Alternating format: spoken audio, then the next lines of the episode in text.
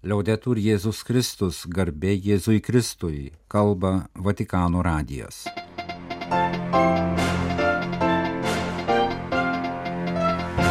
Malonus klausytojai šioje antradienio rūpiučio 29-osios programoje popiežiaus maldos intencija už žmonės visuomenės paribiuose. Popiežius pasveikino Prancūzijos verslininkų tinklo susitikimo dalyvius. Popiežius Ulanbatore atidarys gailestingumo namus. Akviloje baigėsi Kolimadžio atlaidai. Ukrainos didžiojo arkivyskupo kas savaitinė žinia - tūkstančiai dingusių Ukrainos žmonių yra didžiulė žaizda. Vatikano spaudos salė ir apaštališkoji nunciatūra Kyive atsakė į reakcijas sukeltas popiežiaus žodžių Rusijos katalikų jaunimui. Popiežius drąsino sekti tuo, kas vertinga, o ne aukštino imperializmą.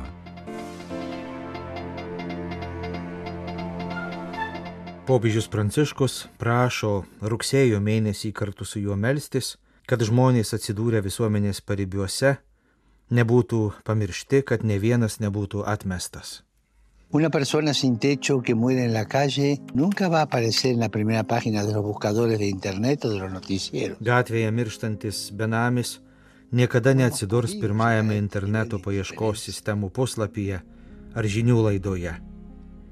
Kaip pasiekėme tokį abejingumo lygį? Kaip galime leisti, kad švaistimo kultūra, kuriai milijonai vyrų ir moterų yra mažiau verti už ekonominį pelną, užvaldytų mūsų gyvenimą, mūsų miestus, mūsų kasdienybę. Mums ims skaudėti sprandą, jei žiūrėsime į kitą pusę, kad nematytume šios situacijos. Prašau, liaukimės apsimetinėti, kad nematome tų, kurie atsidūrė visuomenės paribiuose dėl skurdo, priklausomybių, psichikos lygų ar negalios. Sutelkime dėmesį į prieimimą. Priimkime visus žmonės, kuriems reikia pagalbos. Skatinkime prieimimo kultūrą, svetingumą. Suteikime pastogę, priebėgą. Dovanokime meilę ir žmogiškąją šilumą. En condiciones de vida infrahumanas, no sean olvidadas por las instituciones y nunca sean descartadas. Melskimės, kad žmonės atsidūrę visuomenės paribiuose, gyvenantys nežmoniškomis sąlygomis, nebūtų pamiršti institucijų ir ne vienas nebūtų atmestas. Šiandien neįmanoma įsivaizduoti, kaip didinti bendrąjį gėrį, kitaip tariant, ekonominį ir socialinį gyvenimą, teisingumą neturtingiausiųjų gyvenimo sąlygas, neatsižvelgus į verslininkus kaip į vystimuose ir gerovės kuriejus. Jūs esate esminis visuomenės turtingumo, klėstėjimo ir gerovės variklis. Rašoma popiežiaus pranciškaus sveikinime Prancūzijos verslininkų tinklo MEDEF susitikimo Paryžiuje dalyviams.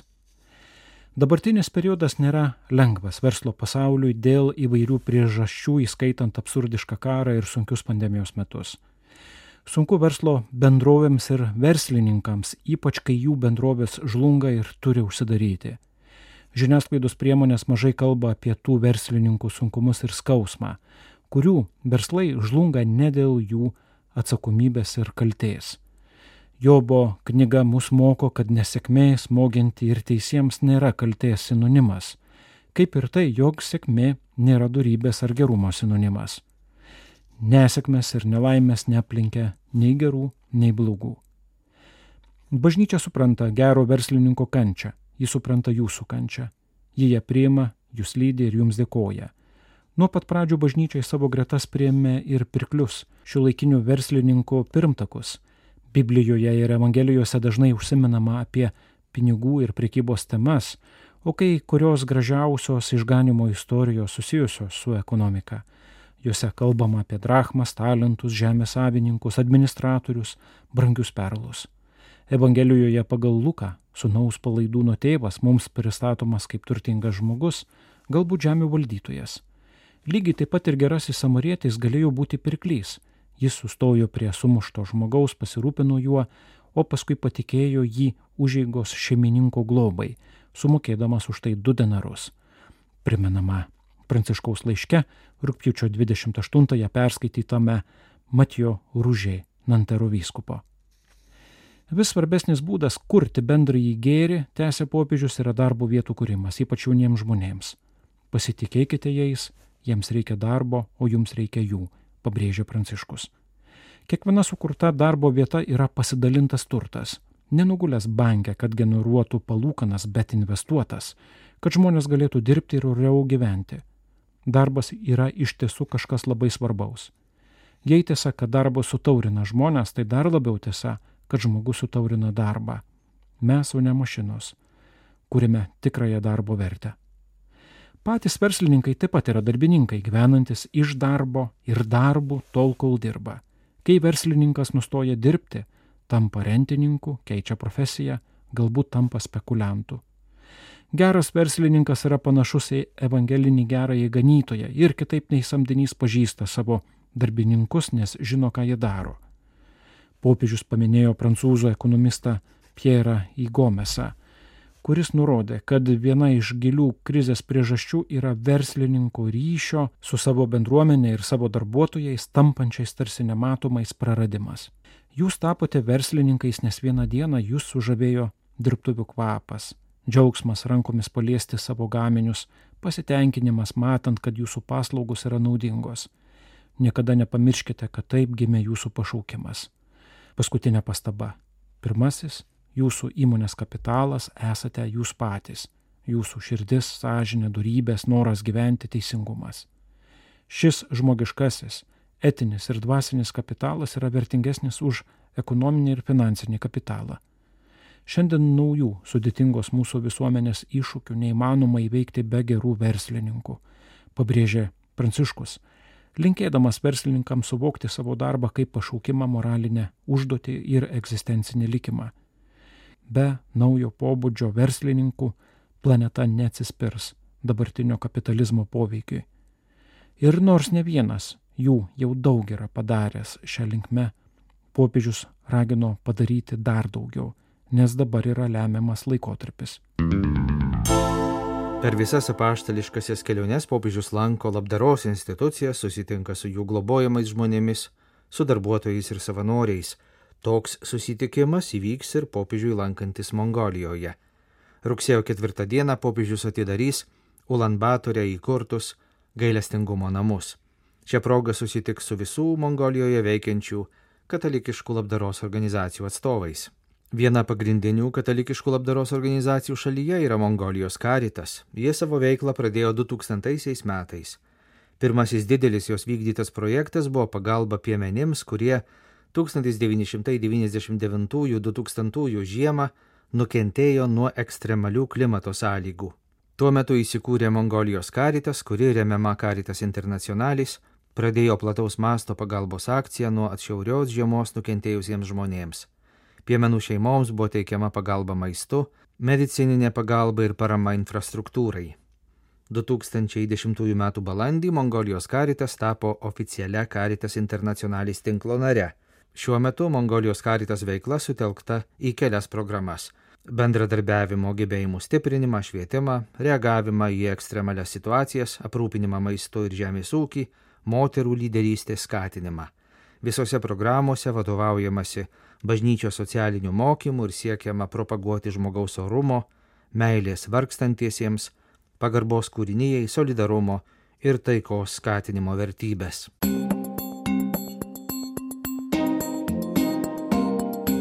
Rūpiučio 29 dieną Akvilos Kolemadžio šventovėje baigėsi Šventojo Jono Krikštitojo kankinystės atlaidai, populiariai vadinami Celestino atlaidais.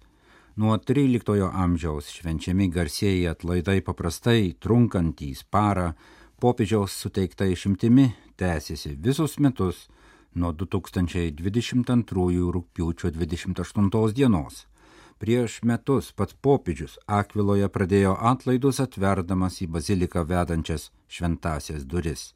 Šį antradienį atlaidus užbaigė ir šventasis duris uždarė Akvilos arkivyskupas kardinolas Giuseppe Petrocchi ir miesto meras Pierluigi Biondi. Būtent mero pareiga Atlaidų pradžioje perskaityti popiežiaus šventojo Celestino V atlaidų bulę Inter Sanctorum Salemnia ir po atlaidų pranešti apie jų pabaigą. Trečiadienį baigsis ir paroda Akvilos rūmose apie Celestino atlaidų istoriją. Atsiveriančių ir užsiveriančių durų simbolis, kaip ir atlaidų įvykis, gali būti interpretuojamas įvairiai, tačiau bažnyčiai Jis primena Kristų, pažymėjo kardinolas Marčelio Semeraro, šventųjų skelbimo dikasterijos prefektas, kreipdamasis pirmadienį į atlaidų pradžios mišių dalyvius. Atveriamos durys yra kvietimas atnaujinti gyvenimo ryšį su jų ištaka, kuri yra Kristus. Jėzus neatsitiktinai kalbėjo apie duris, pro kurias įeinama ir išeinama. Visą mūsų gyvenimą apima įėjimo ir išėjimo veiksmai nuo gimimo iki mirties. Pritaikius Kristui, durų simbolis reiškia, kad krikščionio gyvenimas yra ėjimas per jį ir gyvenimas jame, pažymėjo Marcello Semeraro. Šventajame rašte pasakojama, kad Kristus stovi prie durų ir į jas beldžiasi. Bet ar leidžiu jam kalbėti? Ar leidžiu, kad jis man pasakytų ką nors? Negana tik kalbėti kitiems apie Kristų, turime leisti Kristui, kad kalbėtų mums, pažymėjo Romos kūrijos kardinolas.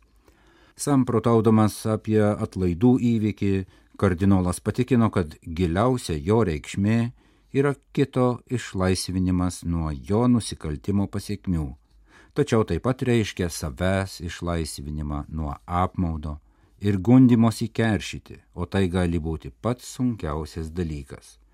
Prisiminęs popiežiaus pranciškaus žodžius apie bažnyčios uždavinį rūpintis sielų gerovę, Marcello Semeraro patikino, kad bažnyčia tikrai bus išeinanti bažnyčia, jei ji bus atvirų durų bažnyčia. Viešpats Jėzus pasakė, kad jis yra vartai, durys. Todėl melskime, kad Kristus atsivertų mums ir parodytų, kad šios durys yra mums atvertos. Kolemandžio bazilikos šventosios durys atlaidų pradžioje atveriamos vyskupui tris kartus pasibeldus į jas susitaikinimą, simbolizuojančią alyvmedžio šakelę. Atlaidų sumanytojas popiežius Celestinas V, kurio kapas yra bazilikos koplyčioje, Akviloje skelbdamas visiems laikams galiojančius atlaidus, troško paliudyti, kad net lyginamai Dievo suteikiamas atleidimas skirtas visiems. Akvilos arkivyskupo kardinolo Giuseppe Petrocchi antradienį rūpiučio 29 dieną vadovautas atlaidų uždarimo mišes transliavo Vatikano medijų svetainė. Rūpiučio 30-ąją pasaulio bendruomenė mini tarptautinę dingusių žmonių atminimo dieną. Tai, kad šiandien nieko nežinome apie tūkstančius dingusių Ukrainos žmonių, yra didžiulė mūsų tautos žaizda, sakė Ukrainos graiko apieigų katalikų didysis arkivyskupas Svetoslavas Ševčiukas pirmadienį paskelbtoje savo kas savaitinėje vaizdo žinioje. Rūpiučio 30-ąją minima Tarptautinė dingusių žmonių atminimo diena 2011 metais įvedė Junktinių tautų organizacija. Ukrainos valdžios institucijų duomenimis dingusiais be žinios paskelbta 24 tūkstančiai Ukrainos piliečių. Apie 7 tūkstančiai jų yra kariškiai, iš kurių 65 procentai tebėra gyvi, o likusieji, kaip manoma, žuvo, tačiau jų mirtis nepatvirtinta. Beveik nieko nežinoma apie dingusių Ukrainos civilių likimą.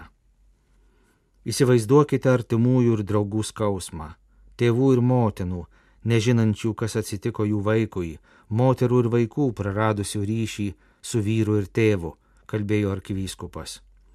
Šių žmonių giminaičiai ateina į bažnyčią ir verkdami sako, kad jie net nežino, kaip melstis už savo artimuosius, už jų sugrįžimą ar amžiną atilsį.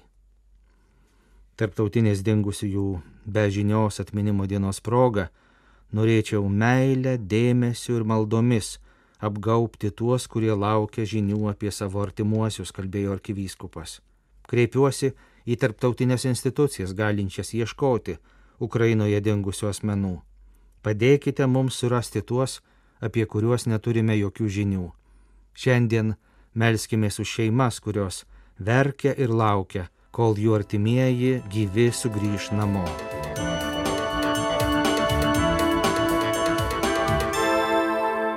Šventojo sostos spaudos salė, taip pat apaštališkoji nunciatūra Kyve, paskelbė pareiškimus, kuriais atsakoma į reakcijas sukeltas popiežiaus pranciškaus žodžių, pasakytų rūpiučio 25 dieną Rusijos katalikų jaunimui. Atsakydamas į žurnalistų klausimus, Šventojo sostos spaudos salės direktorius Mateo Brūni pareiškė, kad popiežius savo žodžiais prieš kelias dienas pasakytais jauniems Rusijos katalikams kaip matyti iš konteksto, kuriame jis juos pasakė, norėjo padrasinti jaunimą saugoti ir skatinti tai, kas teigiama didžiajame Rusijos kultūrinėme ir dvasinėme pavelde ir tikrai neaukštinti imperialistinę logiką ir valdančiuosius. Panašaus turinio pareiškimą paskelbė ir nunciatūra Kijeve. Nunciatūros pareiškime sakoma, kad po popiežiaus Pranciškaus nuotolinio pokalbio rūpiučio 25 dieną su Rusijos katalikų jaunimu, Ukrainos ir tarptautinėje žiniasklaidoje kilo diskusijų dėl kai kurių ta proga popiežiaus pasakytų žodžių.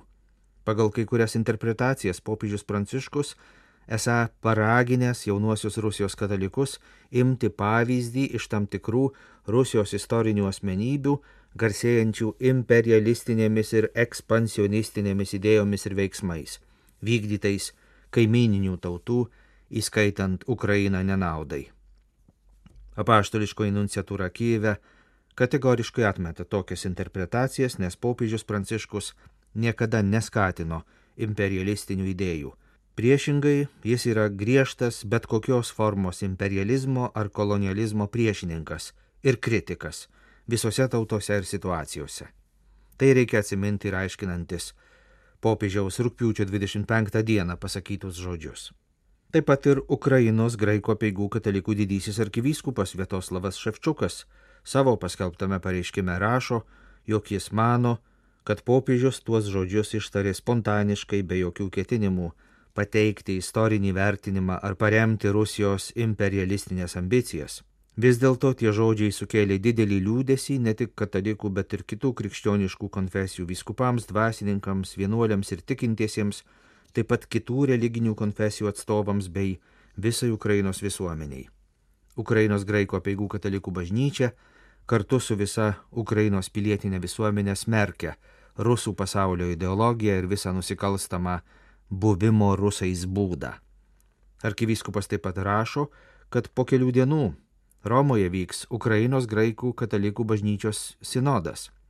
Turėsime galimybę susitikti su popiežiumi ir asmeniškai išdėstyti jam ukrainiečių tautos abejonės ir skausmą, tikėdami jo tėviškų rūpeščių mūsų tauta, sako didysis arkivyskupas Svetoslavas Ševčiukas.